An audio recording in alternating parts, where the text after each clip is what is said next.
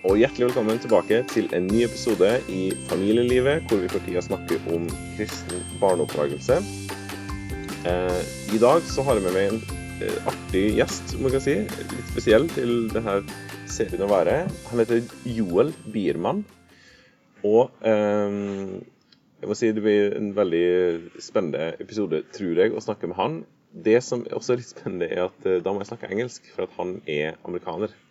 Um, så eh, dere får bare bære over meg både med at det blir en engelsk episode, det er jo en ting i seg sjøl, men også at min engelsk er jo Ja. Den har jeg eh, Jeg kommer ikke fra USA, for å si det sånn. Vi får tro at det blir greit.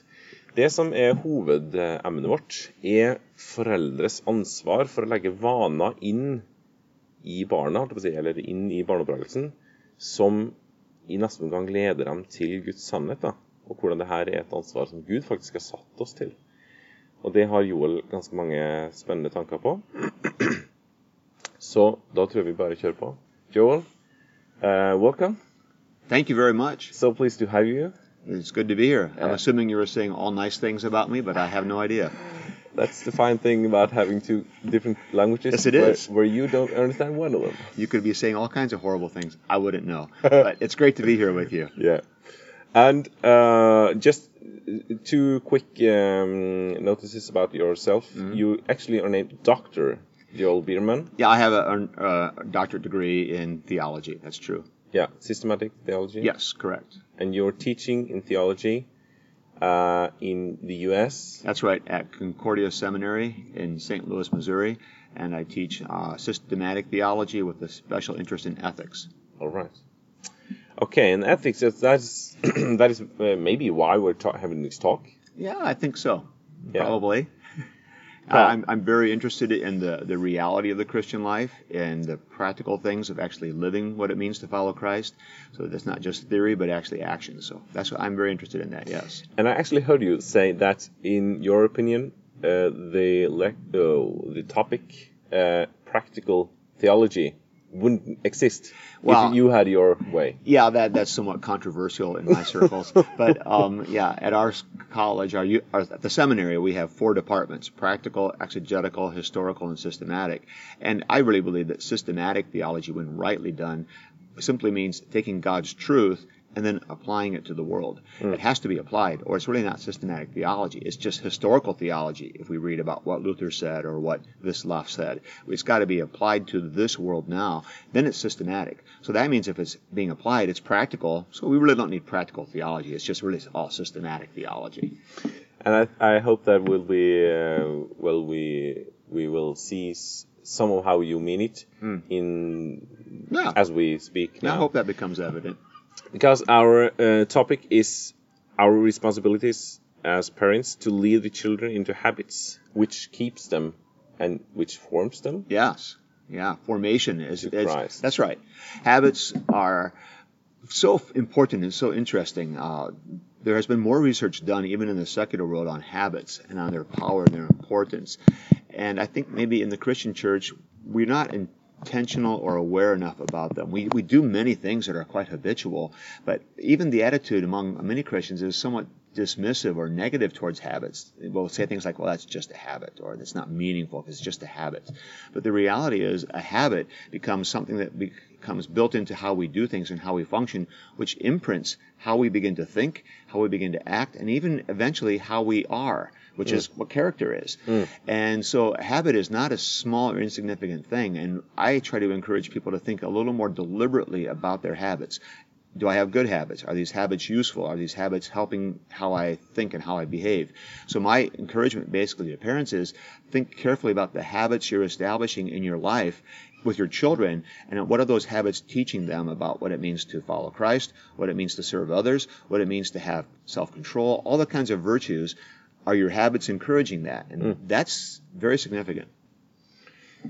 Okay, but uh, like uh, yeah, you, you mentioned some of it, but but many will then just back off and say, "Hey, I'm getting bound by this."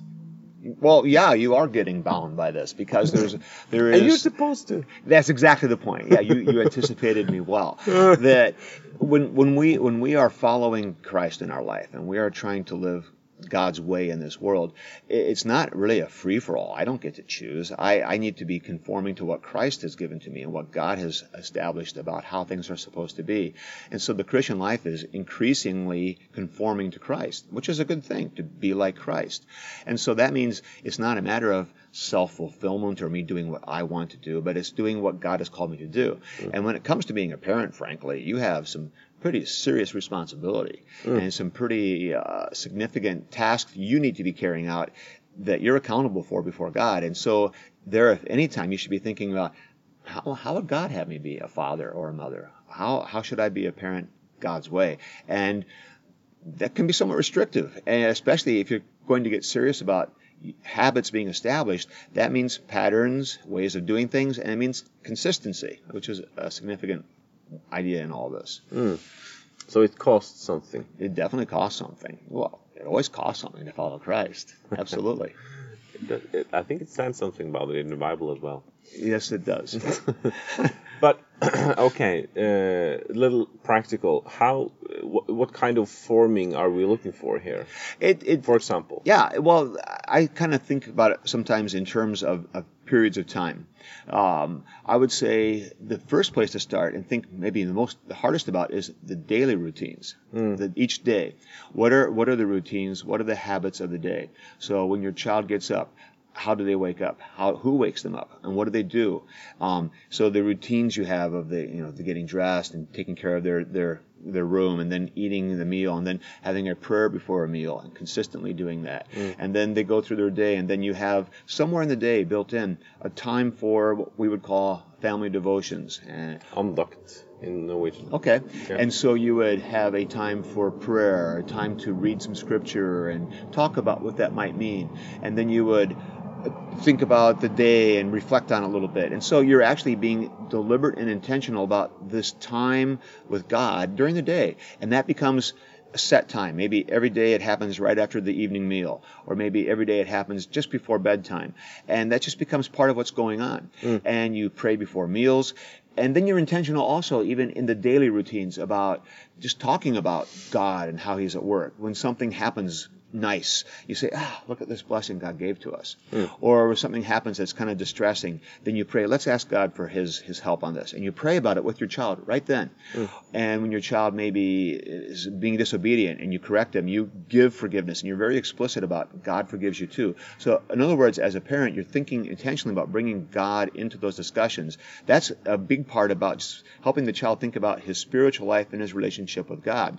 So that would be the daily routine. Then weekly, well, obviously, you go to church when it's time mm-hmm. and you don't miss. And it's not a matter of, well, do we go to church this week or not? What are we doing? Maybe there's something else to do this week. No, this is just what you do. Uh, in my own life, there was never a question about, wonder if we'll go to church tomorrow. Um, it's just you do it. It's this matter of getting ready. And then you help your child like on Saturday night, to think about what he's going to wear, and you prepare his clothing, even what he's going to wear to church, because it's important, it's special. You to want to be the thoughts. That's right. You're already thinking about this, and then you go to church and you stay for the times of fellowship and for Bible study or Sunday school we have in the U.S. And you're there for all of those things, and the, the parents are participating, and then you talk about it when you come home on Sunday. So you have this routine, this cycle, and then on a yearly basis, you have the festivals of the church. You know how we celebrate Christmas, how we celebrate Easter, how we celebrate these things. And they become part of the, the routine of the life. Uh, for my children, some of the, the, they would look with great anticipation towards Christmas, obviously. You know, mm-hmm. there's, there's, gifts to be opened, but there's just, it's this, the celebration is just, it's delightful. It's wonderful. And they would be anticipating this for weeks, and we would play it up. We, we, we, you know, Advent calendars and, you know, the, the wreaths and the candles and thinking about it. And then Easter also, the, the Lenten season is so long. But you think about what Lent means. My that, uh, that's when you you don't uh, fast. you you, you, fast you, Yeah. you you don't sing Alleluia and it's more somber and we sing hymns that are in minor keys you know all those sorts of things sure you know because you're reminded of your your sinfulness my grandson is now five years old and this last year during Lent he was a little more aware of Lent and his mother my my daughter was teaching him about what it means and he said to her this was somewhere maybe four weeks into Lent and he said um oh mom how much more how much longer is Lent? I'm, I'm tired of thinking about my sins. And he, he was waiting for Easter. And so that when Easter comes, it's just such a joy for him. And that, that's, see, so that, that's being built into him already. Hmm. It's part of his, his, his cycle. It's a yearly cycle, but it's part of the habits. So the daily, the weekly, the annual habits become part of how we operate. And now, so that's that's dealing with the the spiritual part, my relationship with God. But then there's also all just the the behavior. I want my child to be a good child. Yeah, that's there uh, too. Go ahead. Th- yeah, that would be my ne- uh, kind of next question, which Yeah. arises in me now, because this is not about only the what you uh, um, uh, to, um, to say it Christian things. These are life things and habits in life, Yeah. not at spiritual always, That's that's right. And but in I'm- one sense, absolutely. Yes. Well, this is what you're getting at, and this is this opens up a whole nother discussion, which is important. But so we, as Westerners, we have been trained to think very often in kind of Platonic ways. And mm-hmm. Plato has had.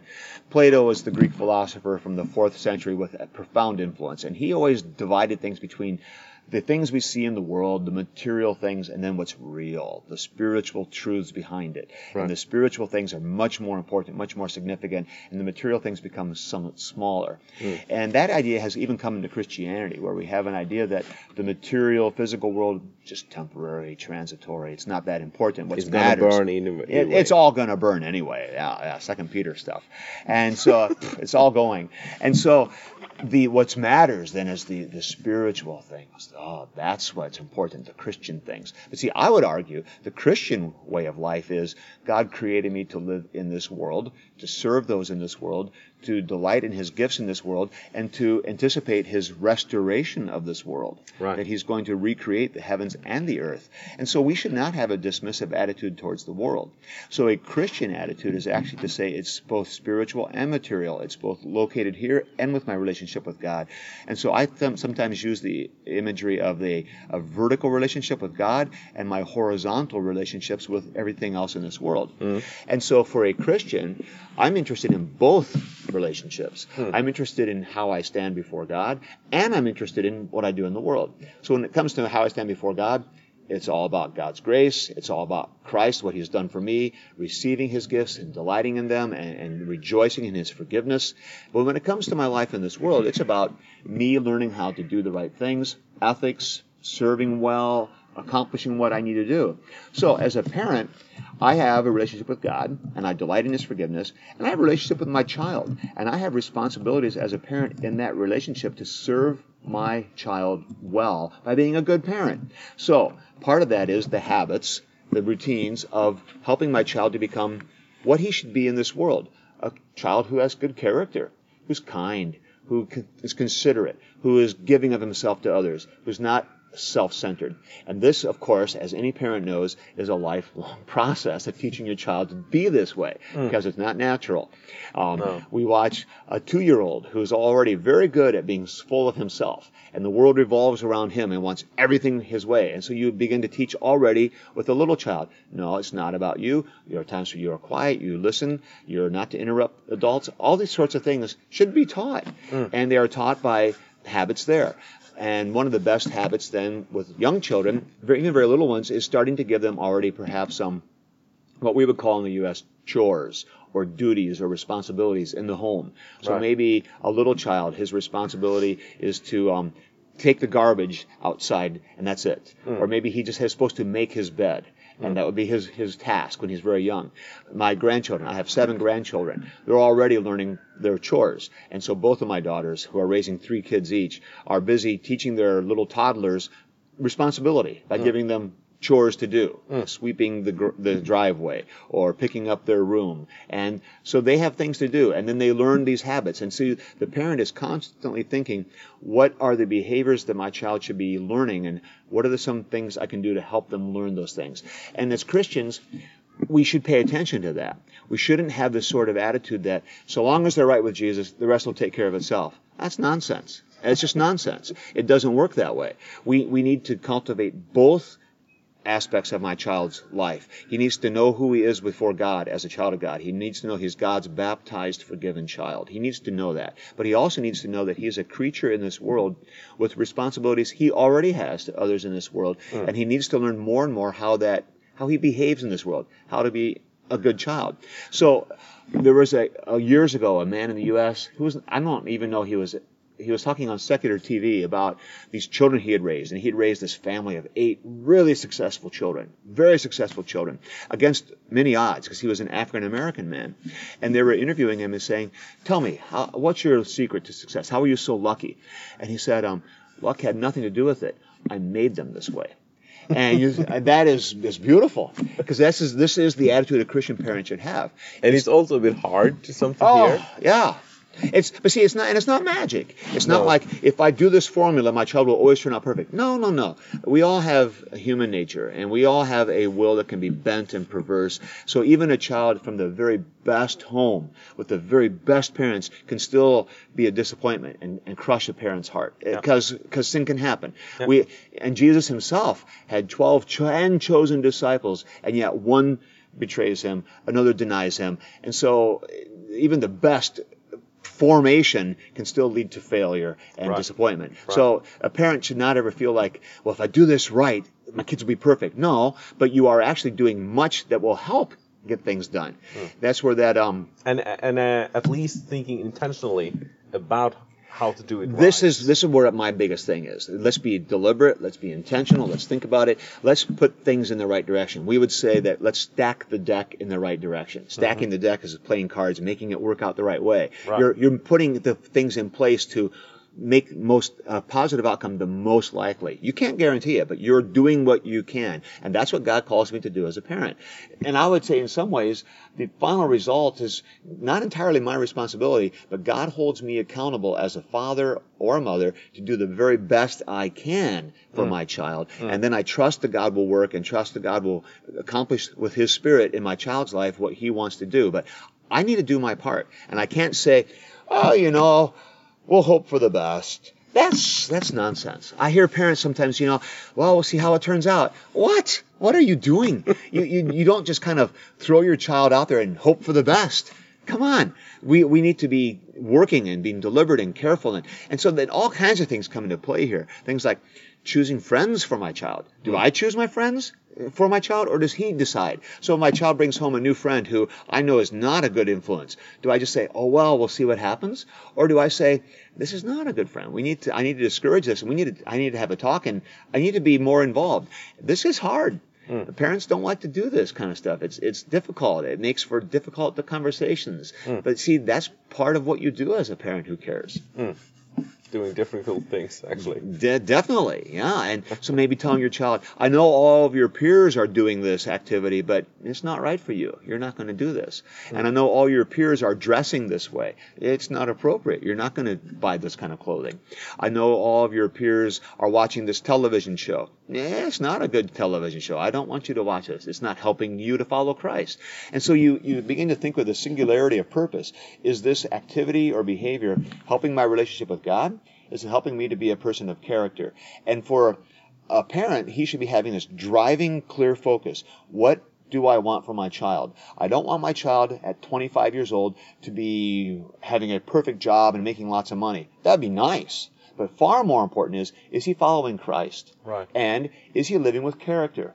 Is he serving well those around him? Is he using the gifts God has given him to serve around him? If he's doing those things, I would say that's a success. I'm happy about that. But I think, especially in the U.S., so many parents don't think about these things. They just do what everyone else is doing. And everyone else is busy take, making sure their kid has lots of experiences, you know, um, ballet class and violin lessons and karate lessons, and he's on a soccer team and a volleyball team, and busy, busy, busy, busy, busy. And the child is having all these rich experiences, but in the meantime, who's influencing that child? Who's teaching that child? And the child his relationship with God is is shoved, pushed to the side. There's not time for that. We have more important things. Hmm. Whoa, whoa, whoa, whoa. What do you mean more important? But see, then, so in the U.S., to actually raise a child to follow Christ and to live with character means that child's going to spend time with me and my family as the parent and not with all of his peers. And so maybe he won't have all these other experiences. So maybe now he doesn't get a scholarship. Maybe he doesn't go to the best college. Oh no, his life will be ruined. No, no, his life will be better because maybe he'll be actually following Christ. And maybe by doing fewer of those things, he's actually being formed better into being the person he should be. And so it becomes very um counterintuitive to think about what God wants me to do with my child instead of what the world is telling me to do. So as a Christian parent, I have to be rather brave to say, you know, I'm not going to just follow the herd and do what everyone else says I should do. And I'm not going to be so worried about getting my child into the best school or the best college. Maybe it's more important that I get my child where he's going to be formed more fully into following Christ. And I think about his habits and his character and his relationship with God. Those things become most important. And Christian parents need to pay more attention to the, things that actually matter instead of just sort of kind of go with the flow of what the world is doing and it'll all work out. And it don't it might not all work out. We need to pay more attention to what God wants me to do. Yeah, and but in this uh, in this space where we are living as Christians, we want to live as intentional Christians. We want to live as intentional uh, parents who are Christians and raising Christian children and making them have character which can serve other people in a good way. Um, there is this word bravery Mm. and courage Yes. and standing for something that maybe you're the only family in the class Yeah, maybe. that stand for this yeah. because what I was thinking about, uh, it, it has very many, um, very many places in what you said now that could be um, fit into this, but maybe that little thing, uh, when the children don't want to go to church. Yeah. Yeah, that's a small thing. So that's a good example. Um, and That can be a painful thing yeah, yeah, I- I've heard and that. hard I, I, thing I have not year after experienced. year. I've not experienced that because see, I grew up in a home where it was just given. Now I have to admit, full disclosure, my father was a pastor, so there Right. wasn't much debate. Okay. Um, but he- and in, and I'm a pastor, so in my home there wasn't much debate. But I think I know this can be a hard thing if you're not into the habit. That's where the habits become important. Mm-hmm. But see, your your point on being courageous, and uh, yeah, that's that is part of it. So as a parent, I need to be courageous and willing to do things maybe differently. På, norsk, på norsk så er det mot. Det må bare si da. That was a Norwegian translation. Okay. So I want to be courageous and have that bravery, and I want to encourage that also in my child. You know, so when it comes to how, the character of my child, the, the four cardinal virtues from the ancient Greeks are not a bad starting point. So they had self-control, temperance, and prudence, or being able to see things and make wise decisions. Those are the second, the first two virtues. And then you have justice, which is treating others well and mm-hmm. fairly. And then you have courage. And mm-hmm. so self-control, I have my emotions in control, I have my body in check, I'm not ruled by my emotions, I'm not ruled by my passions. Prudence, I'm aware of what's going on, I'm thinking about things, I'm making wise decisions based on what's happening, hmm. and I'm being fair to others, I'm treating them well, and I have the courage to do all those things and to act not rashly, but with courage. Hmm. The, the four cardinal virtues are, are very good descriptions, even of the Christian life. And it's interesting to me how St. Paul sometimes in his letters use the exact same vocabulary of the secular world when it comes to the virtues, even in the Christian's life. So hmm. these are not bad ideas, these are good ideas. So the courage is, is important, and that willingness to say, this is how we're going to do it. Now, I want to pick up on your story about your question about going to church. And see, Christians sometimes make this huge mistake of getting really hung up on motives. And so my, my, my child should love Jesus. My child should have the Holy Spirit working so he wants to go to church. And if he doesn't want to go to church, that's a problem. Well, yeah, that is a problem because you want him to create in him holy desires. You want him to want to go to church. But if he doesn't feel like going to church, what do you do?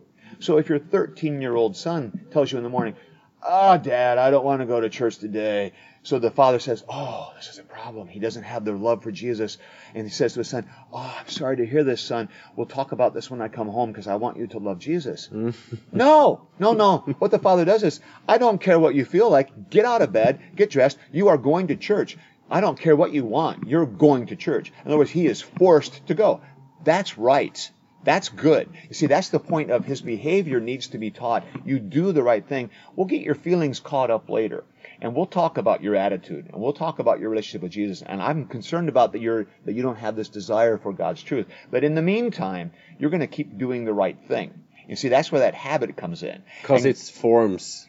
Exactly. Exactly. It forms him. He's shaped into doing this. And, and so, in other words, I do it even if I don't feel like it. I mm. do it because it's the right thing. So much of life is this way, and even our spiritual life should be this way. Adolf Köberle, um, a German theologian from the 20th century, wrote a book that in English is called Quest for Holiness, and in German it was um, Justification and Sanctification, and I forget the exact verbiage. But um, he says in there, uh, he's quoting somebody and talking about this, he says, in times of spiritual dryness, it's actually our habits, our holy habits that pull us through. So, and we all have, even as adults, times when we don't feel like praying, when we're reading the Bible and we're not getting much out of it, and we don't feel like going to church. But we keep doing it because it's our habit. And that habit is what pulls us through because eventually going to church, reading scripture, praying starts to come alive again and we get through that that hard time because of the habit we've established. Mm. And so it's the same thing with with children. You make them do what they don't feel like doing. Mm one of my um, influential theologians in the U.S., who I've read a lot, I don't agree with everything, just for a point of clarity, is um, Stanley Hauerwas. And Hauerwas has this wonderful quote. Um, he says, I want to be part of a church that forces me to do what I would not otherwise do, and then teaches me to learn to like it. And to hmm. me, I think that captures a lot of what it means to live the Christian life. We are learning to grow into this Christ like life. It's not always easy. We don't always feel like it. Even our best attitudes are sometimes corrupted. We're sim- we're sinful and and righteous at the same time. Simul justus et peccator, right, Latin. Right. And so we're not we're and so we're struggling always. And so we have to sometimes do things against our will, against what we want. But we do it because it's right, and we learn that. And so as parents, we need to have a little more courage and a little more intentionality about helping my child to learn the right behavior, the right patterns, the right habits, sometimes in spite of themselves, and trusting that God will work through these well established habits to accomplish His purpose, and that the spiritual growth will mirror the habits he's learning in the material world in the, his tangible ethical life. Hmm. Okay. but what about grace? There isn't any.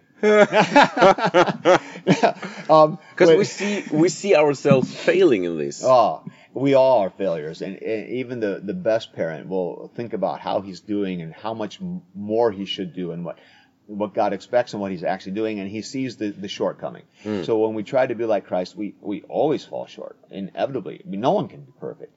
And so, yeah, there's there's grace, and this this the beautiful thing is, while I'm striving to live in these my horizontal relationships the best way I can, serving the best way I can, I'm never going to be perfect. I will always fall short.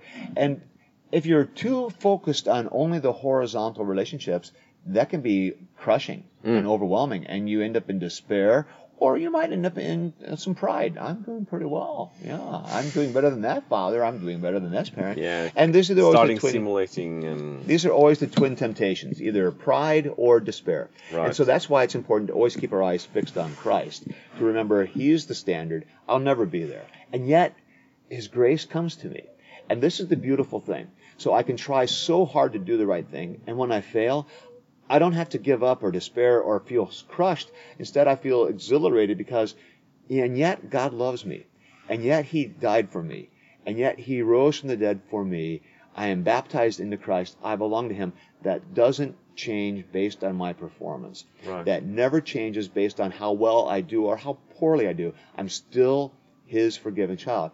And this sets up then this beautiful, powerful, delightful dynamic of the Christian life I get up in the morning and I think, how will I best serve those around me today? I'm going to use the time I have to serve those around me. What has God given me to do today? I'm going to give it my very, very best effort. And you work hard at it. And then if you if you fail and you fall flat and oh that didn't go the way I thought it should and oh I was impatient with my child and I should have given him more time and I didn't I should have been more careful with that conversation oh I wish I could do it again well you don't have to be so you don't have to um be so self um, condemning or or crushed or what you say beating yourself up mm. you you can say but I am in Christ and oh I need your forgiveness, and God, forgive me for this. And, and He does, and you can start again, and start again, and start again. And so you live with this wonderful delight of working hard and yet relaxing in God's grace mm. and knowing He forgives you. And there's and it's never too late to start. I've had conversations with um, grandparents who will say, "I was a bad father. I was a I just very bad father. I made so many mistakes. And what do I do now? And I feel so guilty. And I say, the good news is God's grace is there even for those mistakes. He has forgiven you. He, he, he forgives you, and I will absolve him. I forgive you. You're forgiven. It's it's gone. And they're they're relieved. And I say, but remember, it's not too late. Now you can say, with the time you have left, now what do I do? Go and have a conversation with your child and say, mm-hmm. I'm sorry I let you down. I did a bad job parenting you please forgive me.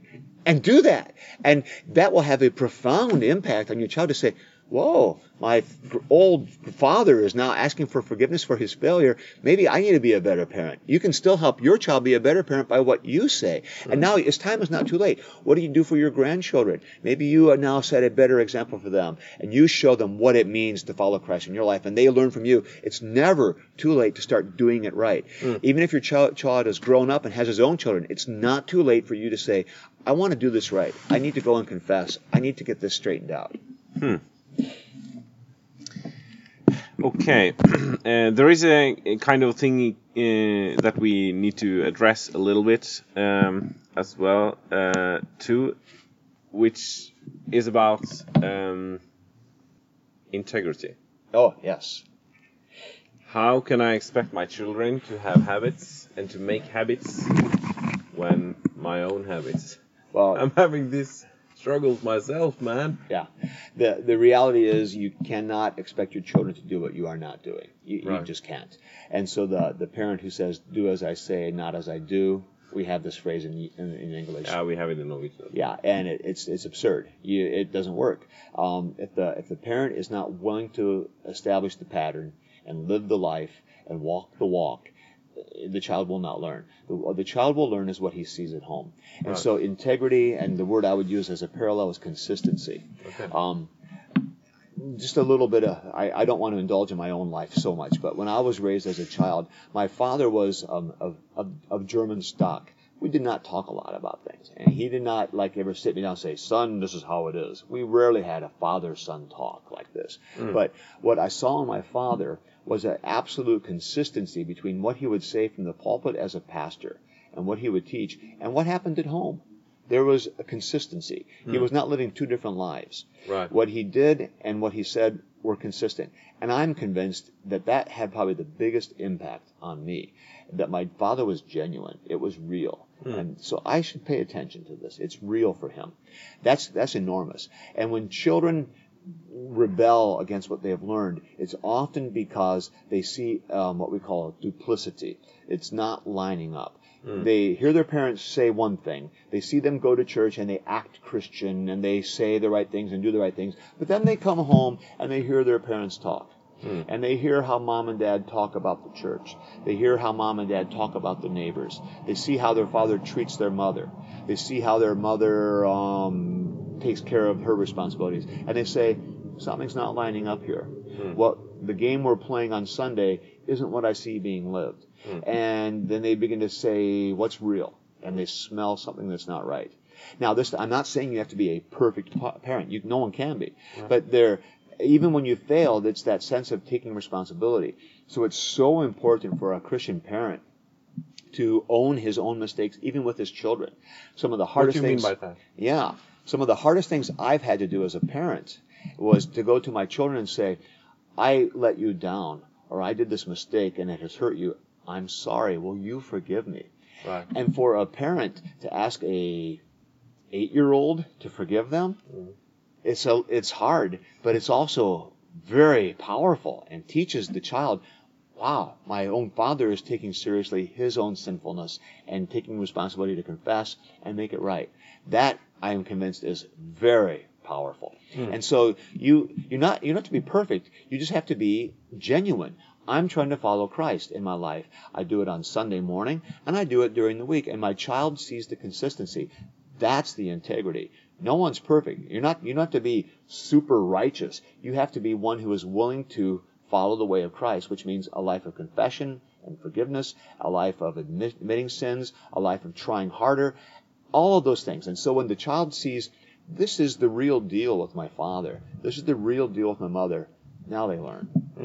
Um, uh, an author uh, who I've read somewhat, Marva Dawn, has written a lot about worship and um, how the worship life works. But she has a, a phrase she mentioned just in passing in one of her books, which I have never forgotten. It's so important, I think. She says the single best indicator or predictor of whether a child will remain in the faith is to ask the simple question Did the child's father sing in church? And I, I thought about that. I think it's, I think she's right. Because if the father sings in church and sings the hymns and sings the liturgy, the child says, "This matters to dad. Hmm. This matters." And if the ch- if the father takes his children to church and drops them at the door, they learn it doesn't matter. If he takes them to church and sits with them but will not sing, because oh, I have a bad voice, oh, I'm not good, and he just sits there with his arms crossed and does not sing, the child watches and says, "Oh, it's not real to him." He will only go par- so. You're not participating. You're not participating. He will only go so far. He won't lower himself to sing and embarrass himself. So he's really not invested. I think she's right. It's it's it's. I think it's it's a small thing, but it says so much. So is my father willing to sing? I, I, I shared this with a group of men one time at a men's retreat, and um, one of the fathers came to me later and said, "Hey, you should see see Charlie." He, he has two young boys and he has a terrible voice. But after he heard you say this, he now sings in church at the top of his lungs. And, and it's horrible, but it's beautiful to see because his sons are watching him do this. Yeah. And I was so happy to hear that because it's, this is, it's, it's not a matter of your quality of your singing. It's, I'm invested. I care. I'll participate. And the child says, look, this matters to dad. Hmm. This matters. That, that just is so formative and says so much. It's so much more important than having a spiritual talk. It's just the habit of what your child sees you doing. And maybe they also learn that it doesn't matter the quality of the song. That's not interesting. That's- Actually, it's not important. no. That's not important. What matters is my willingness to do what it means to follow Christ. Right. Yeah. But is this more easy for women because they are better singers? Yeah, well, I don't know if women are better singers. I've heard some women who are not so good too, but I've heard men who are great singers. So I think it's maybe easier for women because I think men become self-conscious and they're worried about how they look and do I can I do it well. And so men need to get over their pride and be willing to do the humble thing. And mm-hmm. humility is a big part of this. Right. Um, to be a good father means there's a great deal of humility. You know, you know, willingness to not maybe look so cool and not be so aloof, to actually be invested with my child, to confess to your child. That's that takes a great deal of humility. Yeah. Right. Okay.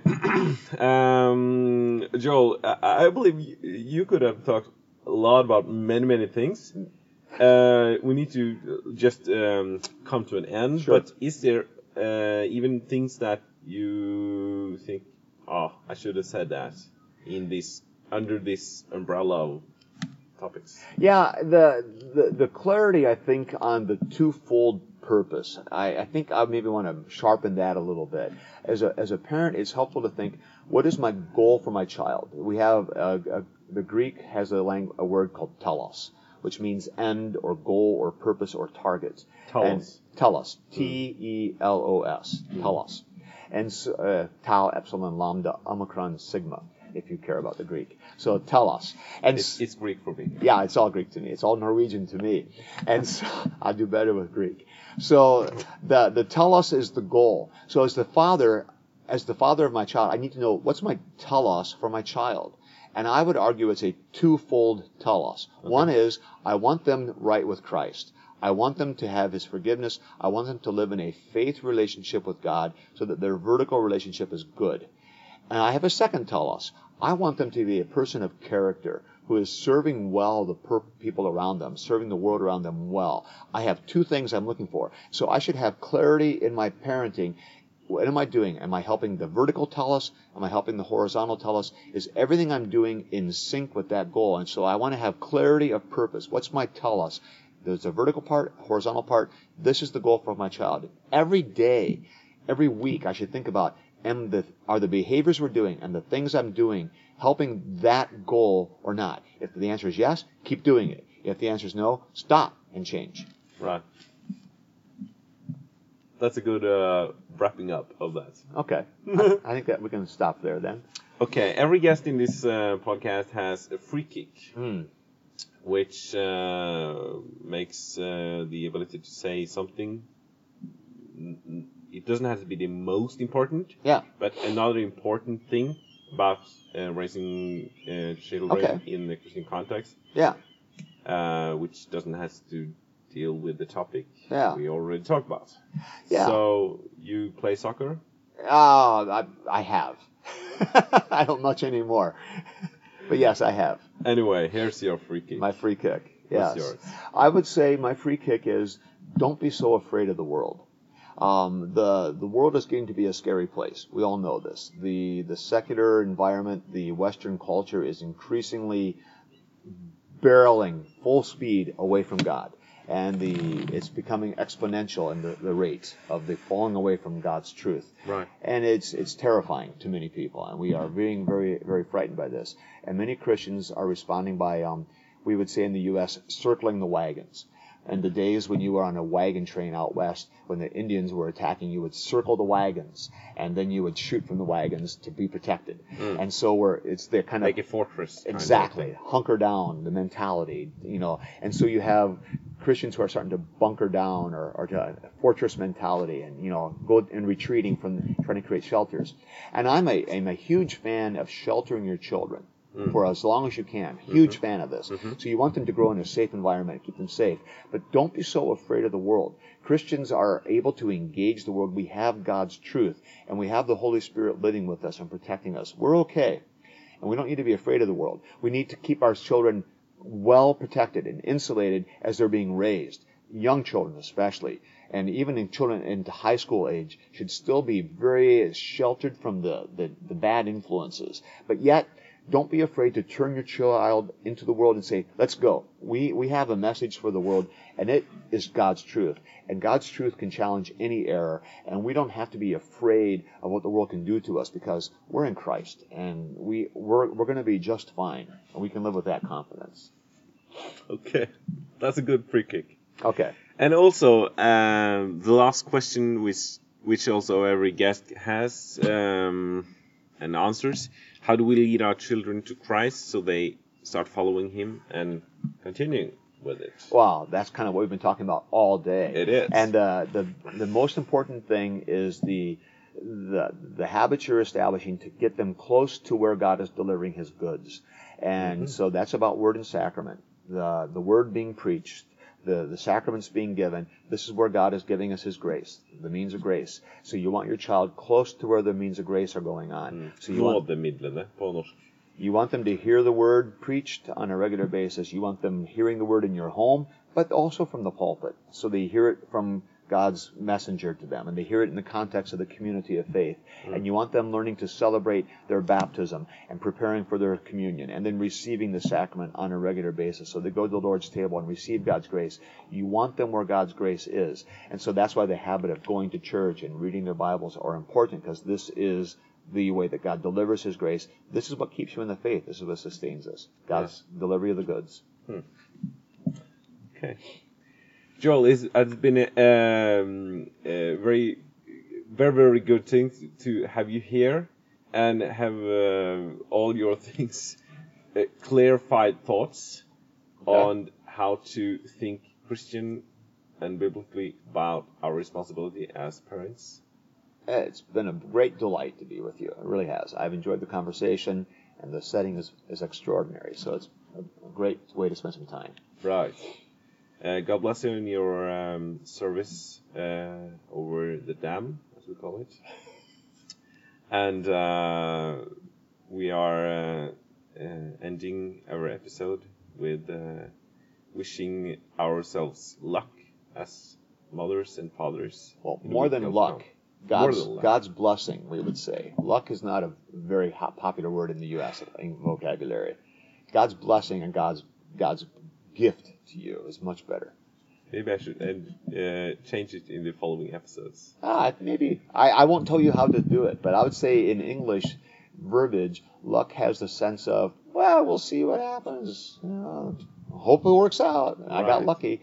It's better to think about being where God wants me to be and receiving what He gives, and I welcome His blessings and I celebrate His, His, His grace to me. That's much better than luck. That's much better. Let's wish ourselves God's blessing and God's praise for the week. Yeah, excellent. Thank you. It's been a delight.